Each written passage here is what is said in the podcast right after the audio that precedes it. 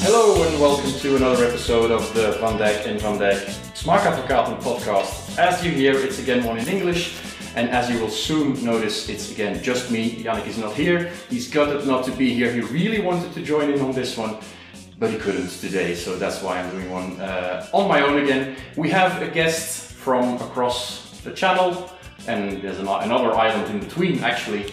Um, and I'm really excited to talk to this man. So let's just start with our usual first question. Mr. Chris Hayes, who are you?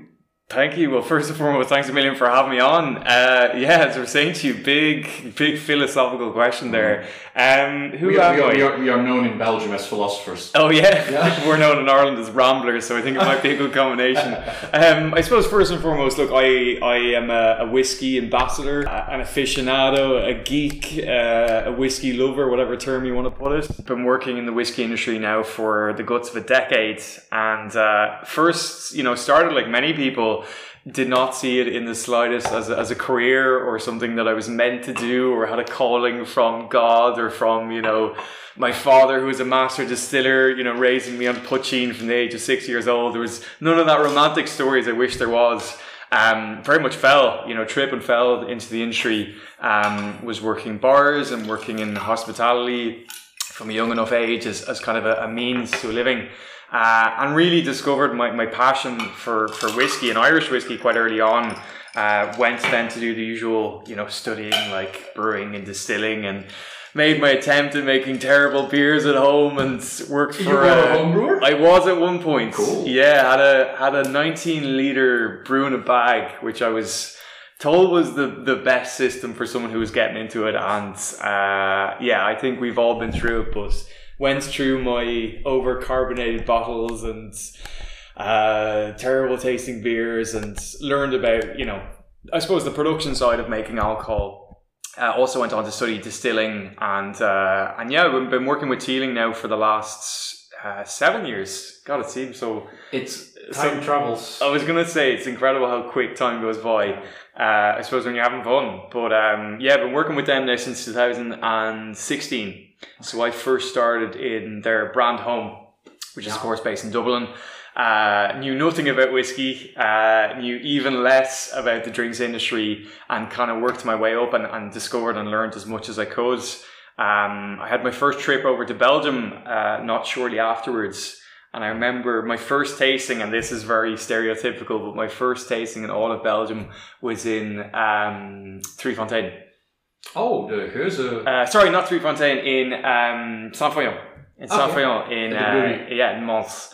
Um, that was my very first tasting in a Belgian brewery. So it was like, if this is what it's all about, sign me up. It's baptism. It was. It was a bit of a baptism by fire. I'm, I'm, I'm not going to lie. Um, but then since then, you know, I, I, I, I constantly made sure to, to learn as, as much as I could, listen and learn. Yeah. Um, uh, picked up a few things across the industry, used my, my bar background and kind of leaned into the mixology side as well as obviously the, the distilling side with tastings. Uh, and then, yeah, I've been working with them as their European brand ambassador for the past uh, five and a bit years. Mhm. As I said, started off in the brown home and then and then went into that direction Mhm. of a lot of travel, a lot of uh, lot of discovery, um, and then I suppose yeah. Apart from that, you can probably detect by my accent at this stage. I'm from Dublin. Oh yeah, Uh, well, there's no subtitles with the podcast. No, so- I was gonna say when you mentioned it was in English, it was like perfect. semi in English. Yeah. Um, I'm sure even if you were listening to this sped up, it would probably seem like it's Yeah. much much slower than what I'm speaking now. Uh, as an Irish person, we we talk fast, we drink fast, we Yeah. we walk fast. Um, but uh, yeah, I live about 30 minutes from Teeling Distillery. So uh, I'm from the, the south of Dublin, went to school in the north of Dublin, uh, and uh, yeah, pretty much spent my entire life in Ireland apart from a couple Apart of from- stays across the world. Um, I've lived in France as well for a little bit. Um, but yeah, Cool. The, the, you know, the, the shortest answer to this question I ever had was uh, Mr. Billy Walker, oh yeah, who, wow. who just told me I'm a whiskey maker. Uh, your answer was the longest. I Yeah, know, as I said, good. yeah, yeah. Start off how you mean to finish. As I said, as an Irishman, we are ramblers. Um, by now, Chris, you've you've spent a couple of years as a European brand ambassador for Teeling. You're a familiar face at festivals here in Belgium and Mm. all over Europe. Um, maybe just for people who don't know Teeling yet, um, what do I have to know about Teeling, this distillery Teeling whiskey to understand it? Yeah, for sure. I mean, first and foremost, from the, the branding side, we were the, the first new distillery in, in Dublin in a really long time. Uh, it was set up in 2015, uh, so first new distillery in over 100 years, 125 years to be exact. Um, very much part of this new generation of whiskey producers. Uh, and I still remember when Teeling first opened, I, I had a bottle actually at home. Uh, I believe it would have been through John Teeling. Um, my, my father somehow managed to get a bottle off him. I think he was a, a student in, in UCD, which is the, the college in Dublin. Um, so long story short, somehow we had a Teeling bottle at home. I knew nothing, nothing about them. And I remember digging a little bit and doing a bit of research on them and really just falling in love with how much they innovated, right? How much they experimented and presented a, a new narrative to Irish whiskey.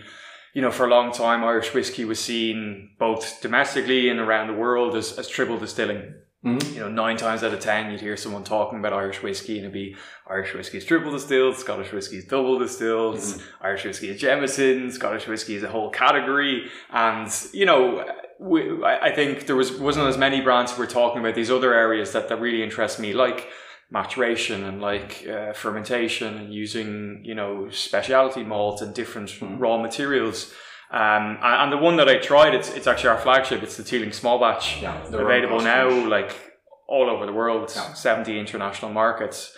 Um, and that's really was my gateway into Teeling. Um, but as a, as a producer, you know, we're an award-winning premium Irish whiskey company.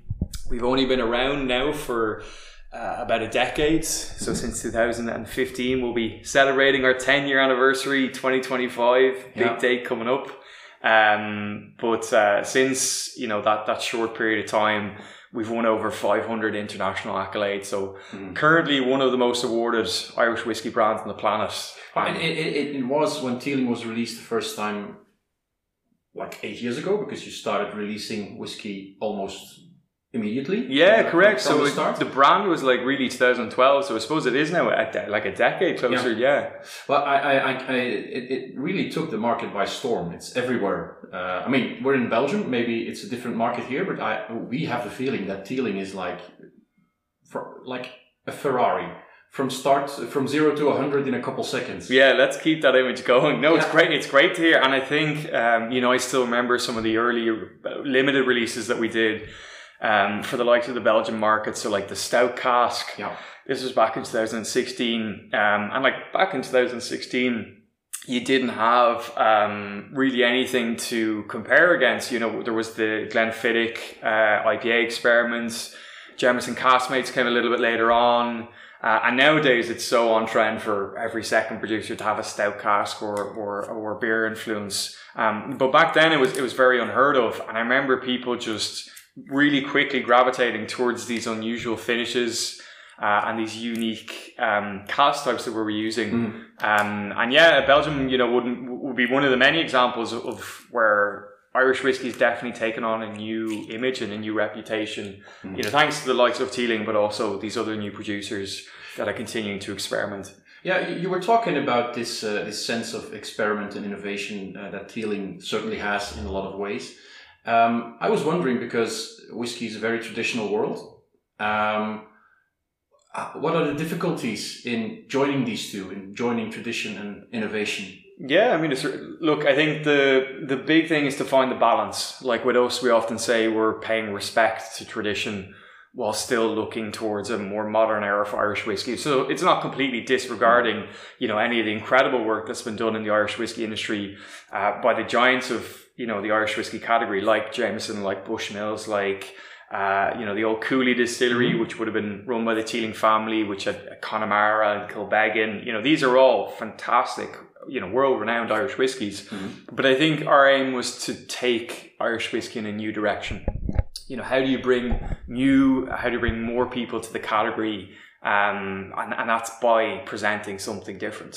And I think that's really where Teeling came into play was, you know, looking at these higher ABV bottlings, these unique cask types, and more innovative style maturation, uh, and then also non-chill filtration was a big thing for us from from day one. Um, but where I suppose tradition and modernity sort of clash Mhm. is in the perceptions. Yeah. You know, you say to Irish people, uh, any consumer of whiskey, this is a non-age statement, right? And non-age statements It's a non-age statement. It's a blend, and it's aged on rum casks. yeah. And people are kind of, you know, trying to slowly get their head around it, going, okay, we know non age statement has a negative connotation. Mhm. Uh, it's not a full maturation. It's uh, a higher ABV than we're used to. It doesn't have a name that we recognize. And we kind of, you know, stood strong and said, the reason that we have the secondary casks is to affect the flavor and the mouthfeel and the aroma. Uh, and uh, yeah, I think really just changing perceptions on things like age statements and coloring and packaging design. Um, although in saying that, you know, completely unbiased opinion, I think the Teeling packaging, the secondary packaging is absolutely beautiful. Um, but definitely, you know, I think with, with consumers and perceptions, there was definitely that pinch point of people had an understanding Mhm. of what Irish whiskey was. But if, if you're Um, talking about that, the, that the- changed. about the packaging and the way you present uh, the whiskey and the brand, I think you find a really good balance between uh, the modern approach. It looks modern, they look new and innovative, but they also look very traditional in the same way. Yeah, I've heard and The, the, the, gives that aura of tradition. Yeah, Yeah. so that's really what the logo was all about. I mean, the, the phoenix Yeah. rising out of the pot still was that combination between the old and the new. Um, and that goes across our production level from packaging to how we make our products. Mhm. But even in terms of our ethos, you know, we do, as I said, like to keep a little bit of that old school mentality and then still see, okay, how can we tweak this, make it in a slightly different way? Um, and yeah, that's that's really where the the whole brand was was born. You know, in 2012, uh, we started distilling in 2015. But as a lot of people who would already know our story, they'll know that we were starting with a family stock. So that's Yeah. where I think the interesting thing with Teeling was, and I still remember coming over to Belgium the first time we had tastings of like the old 21 and Yeah. the, the 24 year old. And, And you have to tell the story like the distillery started out in 2015, and here's a 21 year old whiskey. yeah, and people are going, what the fuck? Yeah, yeah, yeah. Uh, it was the question that we got asked the most was how do you have a 33 year old whiskey and you only set up in 2012 and i remember even when we first uh, started creating like our faqs you know like your Yeah. website or just on distillery brochures like question number one was yeah but how do you have a 16 year old whiskey and we're like well this is how it's not magic you know we we were operating a, a, an older distillery in Ireland. It was actually the only independent distillery at the time in the 1980s. So called the, the Cooley, Cooley Distillery. They, they, which- they, they, they, they are not known from their own brand, but they are named from, known from very many different brands, basically. Yeah, exactly. So, I mean, Connemara, Kilbeggan, Tyrconnell, Yeah. Brands that are, are world renowned to this day and, and really are, you know, quite revolutionary. If you Mhm. think about it, like Connemara is still one of the few pieces Oh, of yeah, Irish single malts. it's a benchmark. Yeah, really, whiskey, definitely, and particularly not just in peated single malts, but also in Irish single malts. Yeah. You know, it, it holds a very high reputation.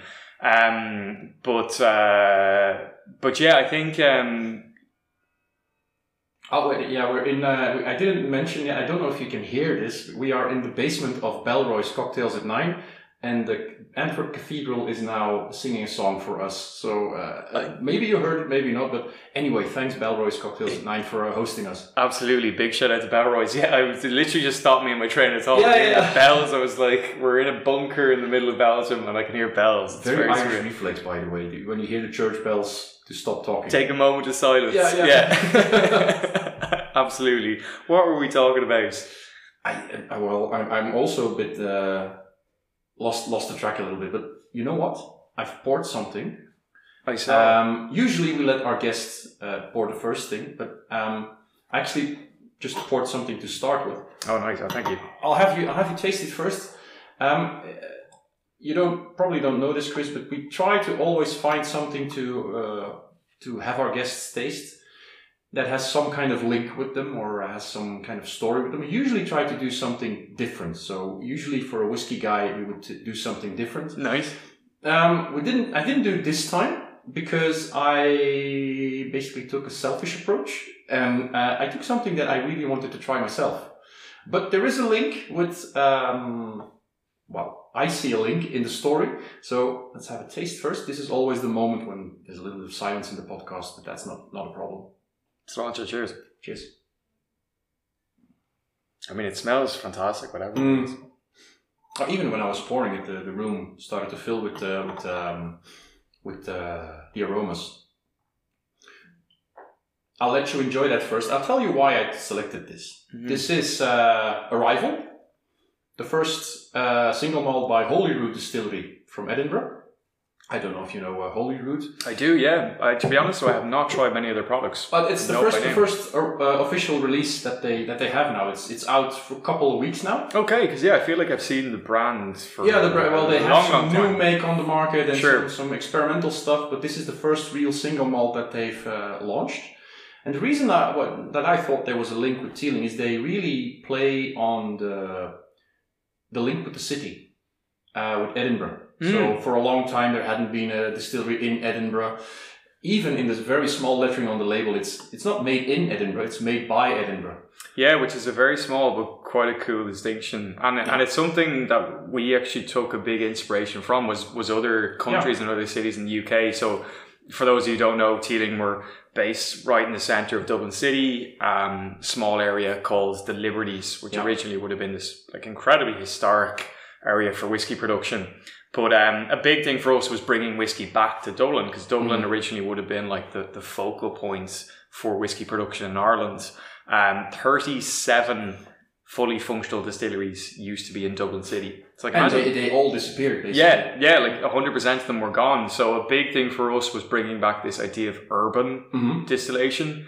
And uh, I know that the guys were, Jack and Stephen, were, were very heavily influenced by places like the London Distilling Company, Yeah. Penderyn in Wales, Yeah. you know, places that were starting to bring back this tradition of urban distilleries rather than basing our distillery, say, beside a glen or like the, the, in the a field. or- picturesque uh, kiln uh, stuff. yeah, which is beautiful, but uh, uh, trust me, this when you come to Teeling Whiskey Distillery, it's as modern as it gets. Yeah. uh, you're not going to see, you know, you'll see the Dublin Mountains, but Mm-hmm. you're not going to see sheep and stone walls and green fields. And again, you know, maybe the traditional image we have of Ireland, we're definitely an urban and a, and a modern whiskey distillery, uh, state of the art, three floors. Uh, you've got a cocktail bar, fill your own station.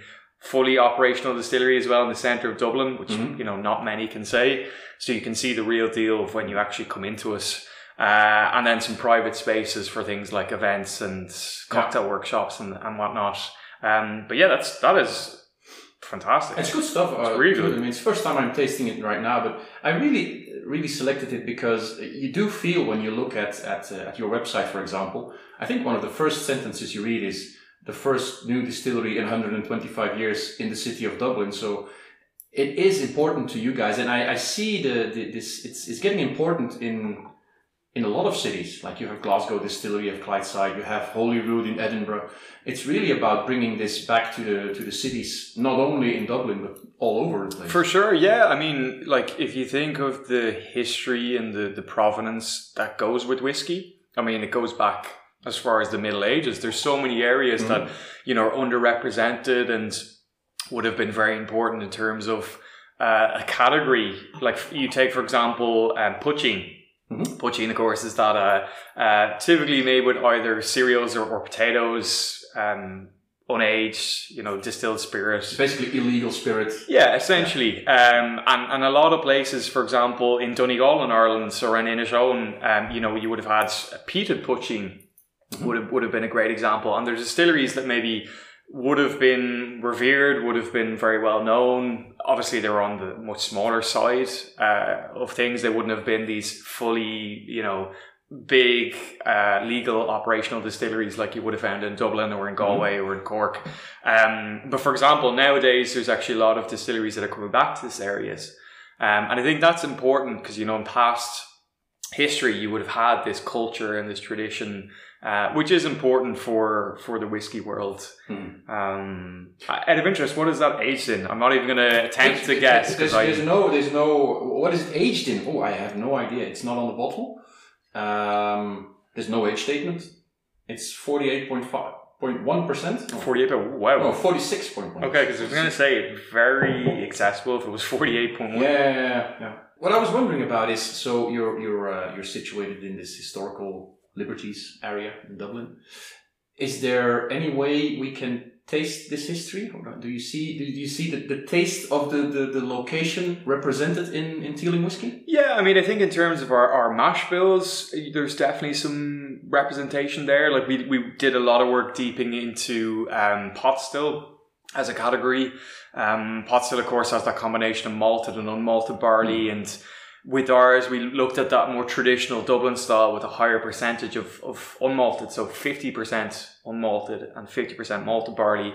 Um, yeah, I'm sure across the board, you know, there is that representation to a certain extent mm-hmm. in saying that though our yeast is coming from South Africa, yeah. our barrels are coming from around the world, our master distiller is not Irish, our stills are coming from Italy. You know, we're definitely not leading into that local terroir as much as say other brands. We're not a hundred percent Dublin I, I guess in, in. In a modern in a modern world and in a cosmopolitan distillery like like you like Teeling is, it's basically normal I think, to have all these influences from everywhere. Yeah, for sure. I think absolutely you hit the, the nail on the head. You know, uh, Dublin in the past would have been a, a particularly Dublin port would have been a, a, a, big area importing the likes of port and uh, brandy casks and wine casks. Mm-hmm. Uh, would have had a lot of influence from, from many countries um, throughout the British Empire. I think the big thing that we capture, or at least we, we hope to, to aim to capture, is this idea of um, creative freedom so we had a, I suppose, a tagline or our company ethos back in the day was the spirit of Dublin, and yeah. you'll still see that across our website, and you'll hear it in a lot of the language that we use. And the spirit of Dublin, I think, for me anyway, really captures that idea of, of provenance and, and terroir, whatever word mm-hmm. you want to use, but also captures the essence of like how whiskey used to be produced in Dublin. This creative freedom of Dublin City. You have had a lot of marketplaces. So Teeling is based in an area called Newmarket Square. Mm-hmm if you go up as far as say um, Smithfield, I believe it's Haymarket. Uh, if you go up towards Guinness, it's Cornmarket. Lots of different areas are named after marketplaces. And a lot of these areas, you know, you would have people trading. So things like uh, different cereals, rye, corn, wheat, barley. And I think whiskey, you could maybe argue, would have been a little bit more fluid. Mm-hmm. There wouldn't have been as, as much legislation, there wouldn't have been as much rules. Mm-hmm. So that's what we're kind of really hoping to capture to a certain extent is that, that freedom to to experiment. Um, and I think that's our aim of capturing is, Dublin. Is that typical of Dublin or typical of Ireland? I think the both. Yeah, I mean, Ireland historically, you know, wouldn't have had as much legislation. I think again, you know, when we start to see um, licensing and we start to see taxation in Ireland, it goes back as far as the 16th century. Mm-hmm. Like one of the first licensed distilleries, obviously Bushmills, 1608. Yeah. Uh, the whole taxation with malted barley comes around the 18th century. Um, you know, parallels in Scotland, I think in Ireland, the big difference was the varieties of wood that we could use. So, for example, and again, I, I have buddies who work in the Scottish whisky industry and, and said that, you know, chestnut was something that would have previously been used and was eventually kind of uh, was forbidden within Scottish whiskey laws. Uh, in Ireland, by contrast, because the whiskey industry basically declined massively, so mm. you know went from like seventy percent all the way down as far as one percent. Yeah. Um, when we wrote a lot of our legislation, it was kept quite loose to allow people to you know to make a living mm. um so we can actually use things like chestnut and acacia and mm. cherry wood and all these wonderful woods that you don't necessarily have the opportunity to use in certain other whiskey nations like say Scotland or America. Yeah, Scotland uh, you can only use the oak casks. Uh, yeah, or subcategories of oak. Yeah, yeah, yeah. Uh, so like chinkapin would be one that you know a lot of like Jura and, and stuff like yeah. that. Yeah. Um, but yeah, so that's I think our kind of approach towards towards Dublin. It's absolutely absolutely capturing the provenance and and, and capturing the idea of old style Dublin whiskey, but more of a, a modern twist for you know people in the 21st century looking for something a bit different. That's, that's also a, a, a link I see with uh, with Holyrood, the, the whiskey we're tasting now. Is they they are also really into this experimental stuff different yeasts, different uh, all kinds of different oh, cool. uh, things they are they are doing now, and uh, making lots of different types of spirits. And uh, I see that with Teeling too. Um, also because you have the freedom to use like the, the different types of casks and, and uh, but also uh, just in, in the in the small batch series all kinds of different maturations uh, i remember the gin cask oh wow yeah from, from, a while ago Um, That was an interesting one in the sense that when we first got those casks for like the first six months, it was absolutely terrible. Mhm. It was just it it it something wasn't working, and I suppose it's again these are one of these preconceptions amongst you know certain consumers that you put whiskey in a barrel and hey presto comes out and it's in a bottle and it's finished. And reality, there's a lot of trial and error, a lot of uh, testing. Um, we we had to use I think it was fourth fill American bourbon barrels soften off the recipe. The final result I think is absolutely phenomenal. Really well balanced between so it's a, a barrel aged rye gin, Mhm. so still that level of spice, uh, still juniper Was forward. it a Kyrö cask? Yeah, yeah, yeah. from Kyrö. So we we got some fantastic casks from the guys over Kyrö, um, and um, we also sent them some of our whiskey barrels. So they Mm. made like a super small run of a barrel aged um, gin. I'm sure. I've got a bottle at home. Oh yeah, think- yeah, yeah, yeah, yeah, yeah. yeah, it's phenomenal. They only did 500 bottles. Yeah. um, Yeah. super limited, but it was really good. The, the, the fun thing with that gin cask, for but, but you you did a whole series of these uh, uh, cask finishes. But the gin cask, I remember I was at uh, Tastu. I was working in a, in a, on, on their festival and was just released at that time. And people were like, they didn't really get it. Mm. And I was like, let's try something and get a little bit of tonic and just served it with some tonic and called it a TNT, Teeling and Tonic. Nice. And then they just really got it. Yeah, yeah. So, and I, I think um, I can tell you this because you guys at Teeling embrace this sort of stuff, this kind of experiment, this kind of have some fun with this. hmm Yeah, and I think um, you know at the end of the day, it is for us also to learn about our own process. Like, let's not forget we we have the history of the Cooley Distillery, you know, operating from the 1980s up as far as the early 2000s. But Teeling as a functioning distillery, you know, based in Dublin, is, has just gone eight years. So we we have a ton of learning um, still to do, even as a, a young producer. And each one of these casks you know, not only do they allow us to kind of blur the lines a little bit between spirits categories, a lot of fun for consumers and, you know, whiskey geeks Yeah. like ourselves who are looking for something different.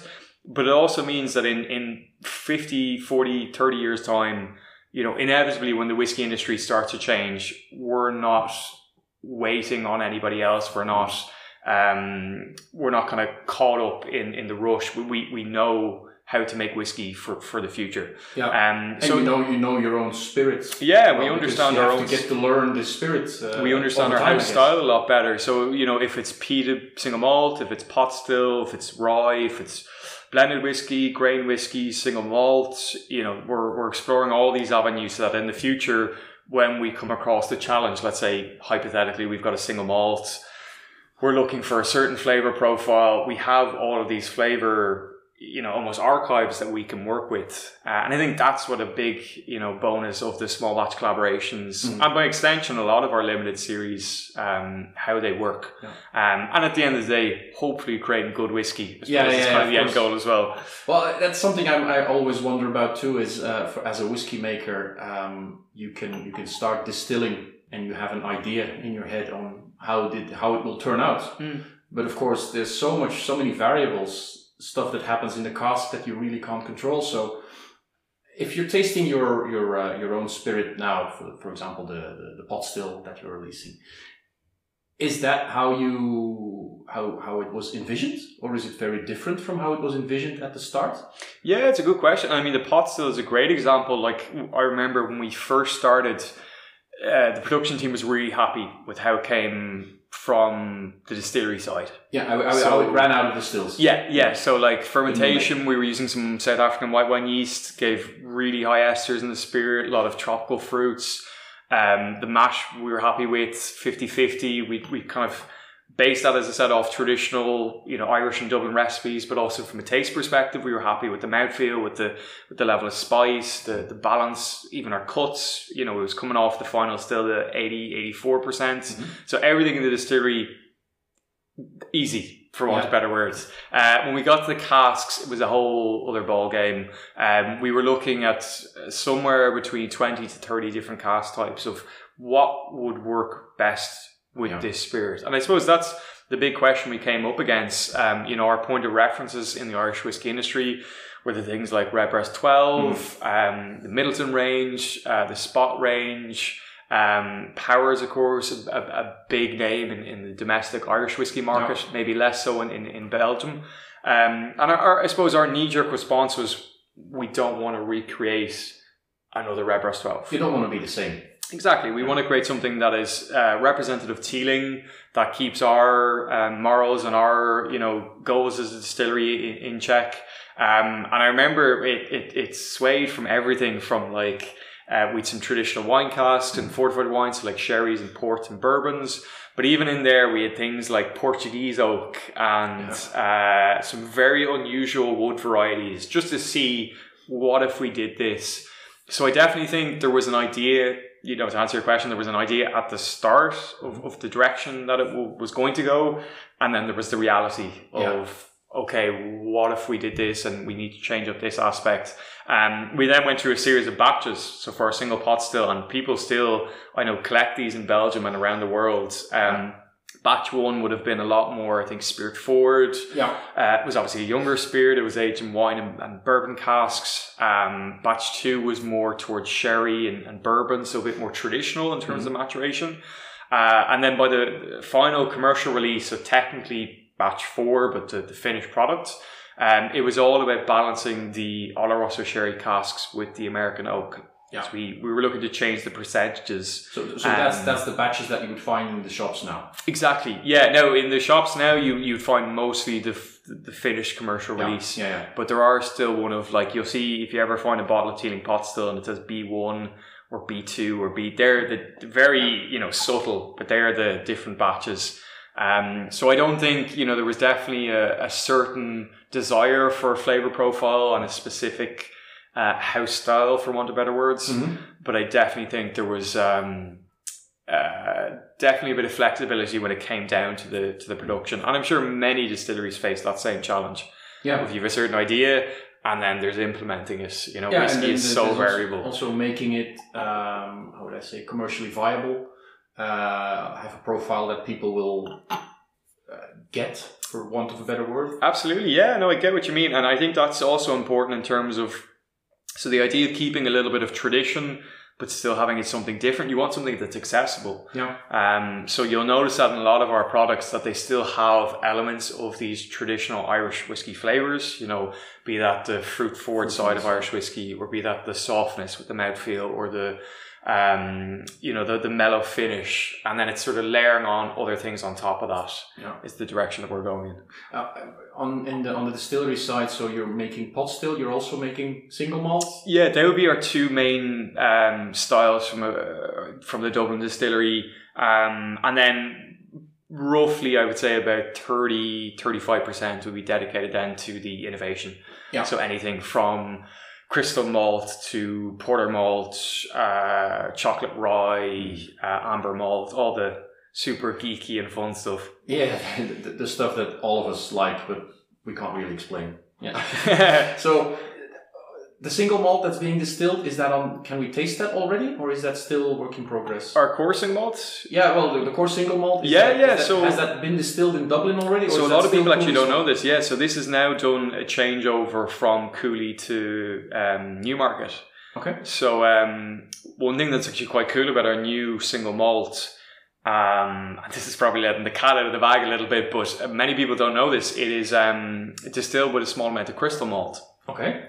So crystal malt essentially so used just, to make sure not crystal meth. Yes, crystal not to be confused with something very very different. Yeah. We're not going to have a Breaking Bad batch or anything, anything like that. But uh, it's essentially yeah barley that has instead of being transferred into a kiln where you'll you'll reduce the uh, the levels of moisture and you'll be able to keep in all the enzymes and all that good stuff to to make efficient barley, uh, essentially you steep it in hot water and all mm-hmm. the sugars or the enzymes start to caramelize or crystallize. So used all the time in beer and like again, I don't need to explain beer in Belgium as an Irishman. Uh, you'll find them in triples, you'll find them in a ton of different styles, New England IPAs, barley wines, um, they give this super fluffy, very thick texture in, in beer. Mm-hmm. Um, not using whiskey, normally speaking, it's not as efficient, mm-hmm. so it doesn't produce as, as much levels of ethanol.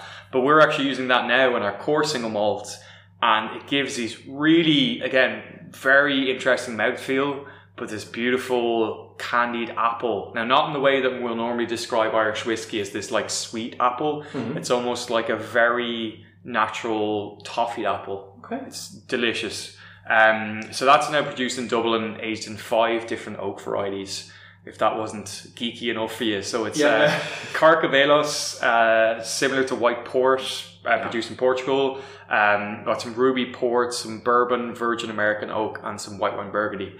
Car- So- Carcavelos isn't the, the, the 21 year old rice, is that also Carcavelos? Yes, we've been using that actually now across the board in our single malt. It's something that's worked exceptionally well also in the Brabazon uh, Series 4, which I know for a lot of people, they've been shouting out if we're going to be reproducing that. Uh, definitely one I'd personally love to see. Um, you know, the Brabazon was 49.5%, just below that cask strength uh, level. Um, they were limited edition, and particularly, I think the the third and the fourth was when people really started to um, understand Yeah, and, to and seek it. out the series. But funny enough, the second edition, so Brabazon Two, won the award for the world's I think it was world's best non-age statement single single malt at the World Whiskey Awards in 2019, and nobody cares. now the reason being was because in 2019 we also picked up the award for the world's best single malt Okay. um, with our 24 year old. So it just got completely, you know, sidetracked. And- Yeah. And, the Brabazon 2 is actually one of my personal favorites of the series. And I'll still say it to this day if anybody asks me. Uh, it was, I think, three different styles of port. Yeah. So ruby port, tawny port, and white port. And, and still a very well balanced overall product. Yeah. That's good stuff. Listen, uh, Chris, um, our uh, listeners can't see this, but there's a couple of bottles that you took here. Which one would you like to taste now? Hmm, it's a good, good question. I think since we've just talked about it, and Yeah. there was no intention in this whatsoever, but because I do have a little bit of the crystal malt, Okay, cool. some of the cask sample, I think We'll have some crystal malt why not? now. Teeling Heisenberg. Tilly Heisenberg. Cheers. So this is a cask sample that you brought. Yes, so 46% ABV has been slightly reduced. But this and this is something that will be bottled in the near future, or Yeah, this is something that we're looking now in the actually in the immediate future. So we're, we're talking 2024, 2025. Um, most of the cask types we've been, we've been using for this have been a bit more of the traditional, so bourbon, virgin American oak. But you'll see what I mean about that, that toffeed apple Yeah. on the nose. And again, the, the mouthfeel as well is just so different from distiller's malt. Mm. Sorry, creamy. Yeah, Yeah. gives you that very creamy, very sweet, thick texture. Again, these will be mostly bourbon barrels, so you get that stuff. vanilla toffee, a little bit of a spice, not a mass amount. You're coming through at the back of the palate. How much are you involved in selecting these casks, uh, Chris? Uh, me personally, pretty much none at all. Uh, we would only have the pleasure of tasting them. Now, in saying that, um, some of our single casks from the distillery, um, we would be heavily involved in. So, for example, we recently had a single pot still in um, red wine Portuguese oak, which the guys from the distillery, so all of the distillery staff actually, you know, hand selected themselves. They had like a, I suppose, like an internal whiskey club. Um, and uh, I can see why they chose it. It's Yeah, absolutely incredible. There, there is there is a secret internal whiskey club in the distillery. Yes, Oh, you, wow. you have to you have to be in the know. Can but, you uh, become a member? I believe we called it Flight Cl- Flight Club was, was the name of it at the time. It may it may have changed since. Don't uh, talk about Flight Club. That's yeah, rule number one. first rule about Flight Yeah. Club is no talk about it. So if you're in it, you know. Yeah, yeah, yeah, Same sure. as Fight Club. Um, but yeah, outside of that, I'd be involved in things like single casks for our European partners.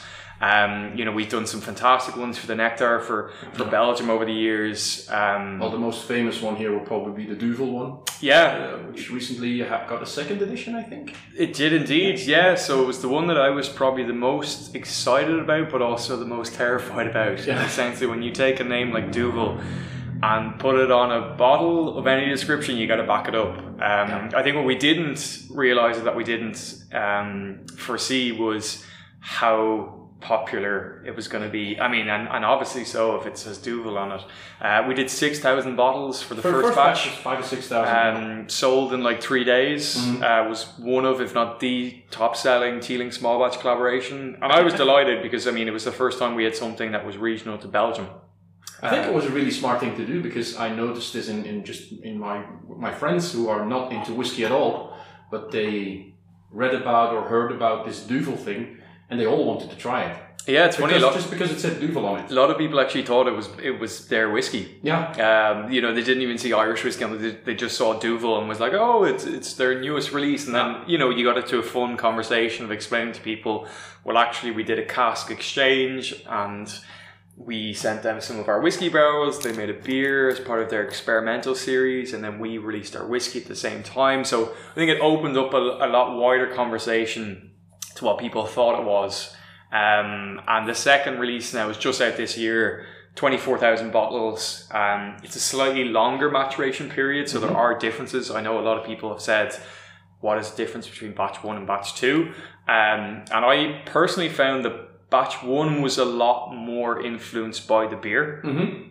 So it was a little bit also more spirit forward. Uh, you could taste more of the the oak tannins. You could taste more of the the yeast, more of the the the, the beer components. Whereas the second batch, I think, is more of a balance between the fruitiness, uh, the base spirits. Uh, of course, we're using our, our premium pre rum blend, so our, our small batch. Which is also the base for the small batch rum finish. Yes, exactly. So it's taking that core base, and I think you get a little bit more of that. Um, was just my perception of it, but but yeah, really interesting. Yeah, people.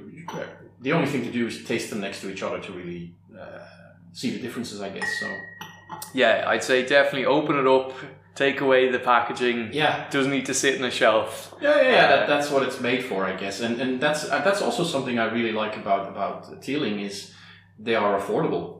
These Mm. kinds of bottles, they are not really expensive, limited. Well, they are limited edition, not very limited, but limited, and still they are affordable. So you can uh, open them and drink them and enjoy them. Yeah, I know you not- were talking not about um, scared about it. you were talking about Teeling being, you know, giving the appearance of being everywhere in Belgium, and I think that comes down to that balance between quality and price point.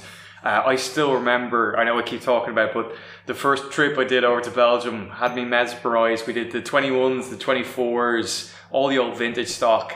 Yeah. Um, and back in the day, like Teeling 21 year old was about 130, 140 euro in Belgium. Um, you know, I think it was definitely the fact that the brand was far less known and that um, there was there was obviously a difference in producer, um, but incredible value for money, and that still kept that even with you know we were, talking about the single malts. Like for me, that would be my everyday Yeah. drink of whiskey. Um, great value for money, uh, aged in five oak varieties. You know, you can keep coming back to it. As you said, you don't feel scared about opening it, Yeah. but at the same time, it'll excite you to go back to it. Sure. The, well, the, the, the period you were talking about, uh, let's say 2016, 17, 18, there was a big Irish whiskey hype here in Belgium. I think fueled by Teeling also uh, because of these really good, affordable, really high uh, high end uh, high end bottles. Um, I guess you it, it wasn't only in Belgium this uh, whiskey hype about Ireland. Well, there was a whiskey hype about any whiskey basically, but if you look at uh, Ireland as a whiskey producing nation, a lot of new distilleries have popped up in the last 10 years. Mm. And I think you, you, you rightly said so. You were you were one of the first ones, and a lot of a lot of have followed in your suit. How do you how do you look at that as a as a thing? Yeah, I think it's fantastic. Uh, I mean, Irish whiskey, even from the early 2000s, like we're talking 2010 onwards, really was uh, doubling in terms of percentage growth, in terms of um, in terms of sales, and there was this world-renowned appetite, I think, for Irish whiskey, and still is. It, it's growing constantly every single year.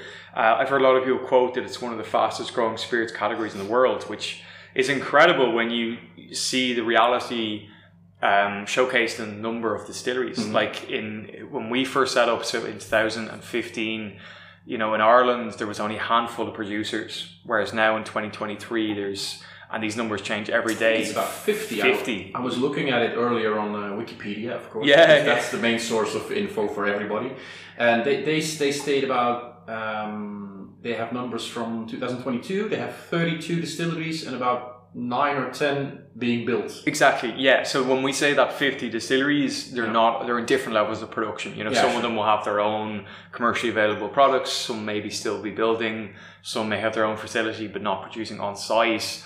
Ton of different variables, but, but like fifty is incredible. Um, Mm-hmm. Yeah, in such a short period of time, too. Mm. And I think the interesting thing about that is uh, these subcategories, like for example, pot still. Mhm. You know, pot still still one of my personal favorite categories. Uh, it's definitely going to be the Irishman in me being slightly biased, but I think pot still has this mouthfeel and has this texture and this quality that you, you just can't find in so many other styles. But it, it still retains um, the esters and the fruitiness from fermentation. So unmalted barley, it's it's quite hardy. You know, it's a little bit like rye. You don't lose the flavor components, or it's not as strict. Um, and pot still as a category now is really starting to become a lot more fleshed out. You know, outside of Teeling, you've got a ton of new producers who are looking at pot still whiskey. So not only in the last five years have you got you know younger age statements, but also you're starting to see people do pot still in a different way than how we've seen it in the last you know 30 40 50 years Yeah. you could say the same for peat you know i remember the amount of times talking to people about peated irish whiskey and they'd look at you like you had two heads whereas i did a, a virtual tasting um, during the pandemic and it was one of the favorite ones that i ever did as a consumer we tasted 21 peated irish products Tw- 21. yeah, it was a long tasting. In one sitting. It was. It was. Yeah, it was one. All right. It was a It's fairly. good that people were at home. yeah, right. it was difficult times, Um, but we had. It was yeah, I believe it was twenty one different products, and uh, all of them varied from things like poitín, vodka, gin. Um, whiskies, so even peated whiskey as a category now is starting to become a lot more um, fleshed out in Irish whiskey. Of course, you know, Teeling, we have our first peated single malt, the Blackpitts, which was heavily influenced by the 24. Um, but there's so many other great references now out there that you can hopefully get your hands on in the near future coming from Ireland. Yeah. Maybe playing uh, the devil's advocate a little bit. Fast growth, lots of new distilleries, lots of new uh, production. Some have to go. Will will will uh, will, uh, will the audience keep up? Yeah, well, well, this is the thing. I think in terms of production, you know, the demand is it still going to be there as much? Yeah. Obviously, a lot of faced difficulties in terms of the last two years. You know, we were working at a, a lower level of production, as were a lot of distilleries during the pandemic. Uh, there's been a lot of economic things that have affected distilleries. So yeah, I think there's going to be definitely a shaving of that number. You know, who who knows how, how much? Ho- hopefully, it continues to grow. Um, and I also think you're going to start to see interest in um, in world distributors, where you know Yeah. these are given a global stage to go further than what they can do now. And that not only stands for whiskey, but I think also stands for things like gin and and vodka, which are also very growing categories in Irish spirits. Yeah. I was just looking at my watch, Chris. Uh, not to, uh, to to say that you uh, should stop talking, but you have to start a, a tasting in about half an hour's time, so we don't have uh, too much time left. Uh, because I do want you to start your tasting relaxed. Um, we've got another bottle here that you brought. It's a chestnut cask. I really Mm. want to try that one. Yeah, so, So- this nearly broke in my suitcase, so I'm glad it got here in one piece. So I'll, I'll pour this one. I'll ask you a difficult question uh, in, in, uh, while I do that. Some, uh, I hope. I noticed on your LinkedIn that you have a degree in arts. Yes, Yeah. sounds very uh, very flowery, doesn't it? Yeah, no, uh, music, arts, music, and French. Yeah, that's is right. My question would be: uh, Have you done anything with that degree in music, and can you use it in your work now Yeah, as a brand ambassador? Do you know what's funny? I well, French I've used plenty. I, as I said, I, I work for Teeling as a European brand ambassador. Spent a ton of time in, in Belgium and in France and Switzerland and you know countries where they where they speak French. So that's definitely been a benefit and something I'm sure my parents would be more than happy to see. Uh, it actually going to use Mu- music. Um, yeah, was actually my, my first passion. So I, I started um, playing guitar and piano when I was like six or seven years old. I was always interested in it as a hobby. Thank you. Um, and uh, only something that I managed to kind of uh, squeeze into my job very recently, again during the pandemic. Yeah. We were looking for kind of flexible and interesting ways to present whiskey. And during the pandemic, I actually did a whiskey and music pairing. So uh, the idea of taking how music can affect your emotions and Yeah. your emotional state, how also your emotional state can impact taste, Mhm. um, and sort of finding a common link between the two. And it was yeah, it was a lot of fun. Um, basically, was online drinking whiskey and listening to music. So I mean, couldn't go too badly. um, but yeah, that was that was kind of the only way I've managed to fit it into my role. Apart from the odd like sing song or uh, live performance at a tasting, which I will certainly not be doing tonight. Oh well, I think we're all would be looking forward to a live performance. Uh, what kind of instruments do you play? Uh, me, uh, guitar and mandolin are kind of my two main instruments, but I, mostly play guitar. Okay, cool. So we're, we're looking forward to that in 2024 and Spirits in the Sky maybe doing a musical tasting. Yeah, yeah, be my uh, my last spirits in the sky for sure to be. Um, but uh, yeah, so that that's as I said, you know, when I when I got into the whiskey industry, um, it was very much in the background initially. Um, and then uh, I started, you know, doing more formal studies, like what a lot of people do, the WSETs, the IBDs, um, and uh, yeah, just slowly built up a, a base of whiskies and spirits that I tried, you know, like everybody else. And if, if you haven't done this, I would so recommend it of, of getting your own tasting book, right? Of just Yeah. like making notes constantly. There are some great apps out there, and I know tons of people who are like developing apps for whiskies. They're still in their infancy. Um, like I think of you know any beer apps, Yeah, Rate Untappd, Beer, Untappd, stuff like that, yeah. they would be so much further along in terms of how Yeah. they're pro- they're made. Um, but uh, yeah, the whole arts thing kind of uh, was sitting there in the background, waiting to be used in the whiskey world. I also know that you've been uh, uh, elected Whiskey Ambassador of the Year in 2023, 2022. Yeah, this year it This feels year? this year feels like the, the longest year in existence. It was still this year. Thank you. That was that made me wonder um, what makes a good whiskey ambassador. And you should know because you are one. It's a, it's a really good question. Well, thank you. I think, you know, first and foremost, and I remember being asked this question a ton of times. Like we, we've given talks in the past for people who are in college or in schools or, you know, they're looking to get into the industry. And I think when I first got into the whiskey world, it was very much a, a mentoring system. You know, same within bars, you have someone who, who teaches you what to do the right way, how to present a brand, how to do different activations, be that a, a master class or a cocktail um, workshop or whatever. Um, and one thing that I quickly learned as I grew up in the industry was you can be incredibly flexible and still great at what you what you do. So, for Mhm. example, you can be a brand ambassador and be great at social media. Uh, you can have that same person who maybe has a bar background and that bar, you know, that mixology background is really beneficial for that particular person. Or likewise, you might just be someone who is a great, you know, communicator, great people skills, great storyteller. Maybe you have an acting or a drama background, or maybe you don't. Maybe you're just a great communicator. Mhm. So I think what makes a good brand ambassador, first and foremost, work ethic, work Mhm. your ass off, show up on time. Um, you know, don't be late, don't fuck around, for want of better words. Everything else, you know, home in on what skills you have. And I think for each person, it's so personal. Uh, some of those you can develop over the years. You know, I know for myself, so I have the camera here. I started getting really into photography just as a hobby, and then started implementing that into my into my job a lot more. Um, languages was also something that I, I never saw as a benefit, and then realized, oh wait, I could talk to people around the world about Well, if you're a native, English speaker, you don't really need that many languages True. the world. So True, it does make you lazy. But yeah, I suppose the point I'm making is there's so many skills that people oversee that can be beneficial to being a brand ambassador. Um, and for me, you know, at the bottom line, it's it's that hard work. Work harder than everybody else, and you'll start off with a good good grounding. Cool stuff. It's, it's by the way, it's really nice. This one. It's uh, I've been putting my nose in the in the in the glass. It's quite perfumed.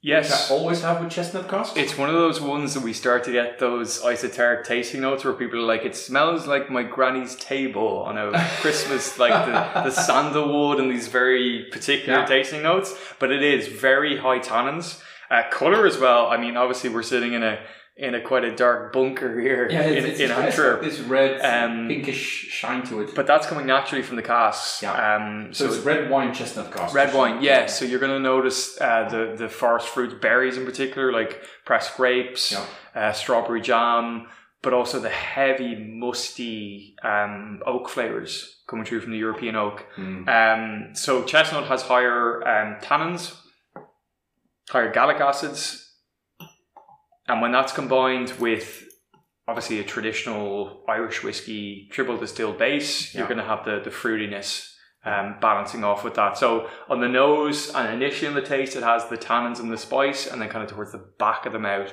is more that peach, apricot, pear. Um, It's a very fun whiskey to taste for a whiskey geek, uh, like I consider myself to be. So it's fun because it's different mm, uh, from a lot of stuff you know.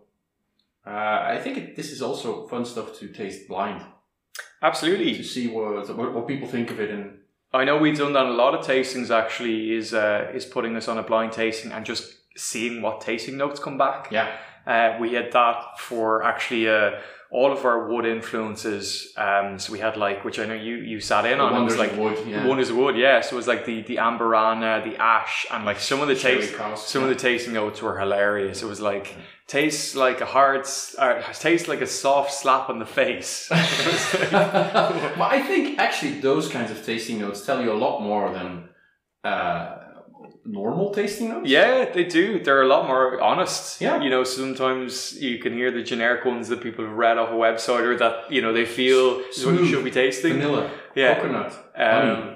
Whereas some of those are, are very personal Yeah. and uh, they are actually the ones I enjoy the most. Yeah. Um, that's why, you know, I- in half jest saying smells like my granny's table on a, on a, on a Christmas night. Like, Y- You know what I often tell during tastings is um, the way I recognize vanilla is because it smells like my grandma's furniture because she used to have a, like a, a polish or a wax that smelled like vanilla. So the first thing I notice is not vanilla. The first thing I notice is that polish, oh, wow. and then I associate it with that's vanilla. yeah. Well, subconsciously now, of course, but the first times I, I noticed this, that was what happened basically. So- Yeah, yeah. And then for some people, they're thinking that's more of that leathery waxiness, Yeah. whereas to you, it's more more Yeah. vanilla.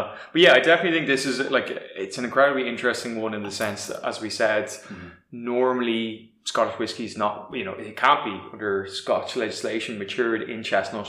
Mhm. Um, this is one of our distillery exclusives, so it's actually only available from Teeling Whiskey Distillery in Dublin. So if you're looking to get your hands on it, you actually have to get a flight over, go all the way over to Dublin. Um, we're down actually now to our last couple of bottles. I was only in there last quick. week. Yeah, be And, we're going to be we're going to be changing over now. Um, but luckily, it survived the journey over to Cool, Antwerp. cool, cool. Listen, um, we need to uh, to wrap this up. I had a lot of other things I wanted to talk to you about, like cocktails, for example, because we're in Belrose again, cocktails at nine, and you have a lot of cool recipes on the website. That might be for next time. Um, is there? Uh, well, let me first thank again Belrose Cocktails at Nine for hosting us here. Um, uh, let me tell everybody that's listening to just thank you for following us. Thank you for listening to the to the podcast. Uh, we have a, a lot of them lined up for the near future. This was the thirtieth, the thirtieth uh, in a in a in a in a row. So we couldn't really imagine uh, about two years ago when we started this that we would have as many. But there's still a lot of them to come. But so thanks everybody. And then uh, as always, I'd like to give the final words to my guests. So Chris, is there anything you would like to tell our audience? What's what's on in the future? What is on your mind? What are you thinking? What is what is Teeling going to do? Absolutely, yeah. I mean, as always, we'll have a ton of new exciting releases coming down the line. As I said, the, the Crystal Malt, which we've tried here um, this evening, but also um, we'll have more of our small batch collaborations in the future.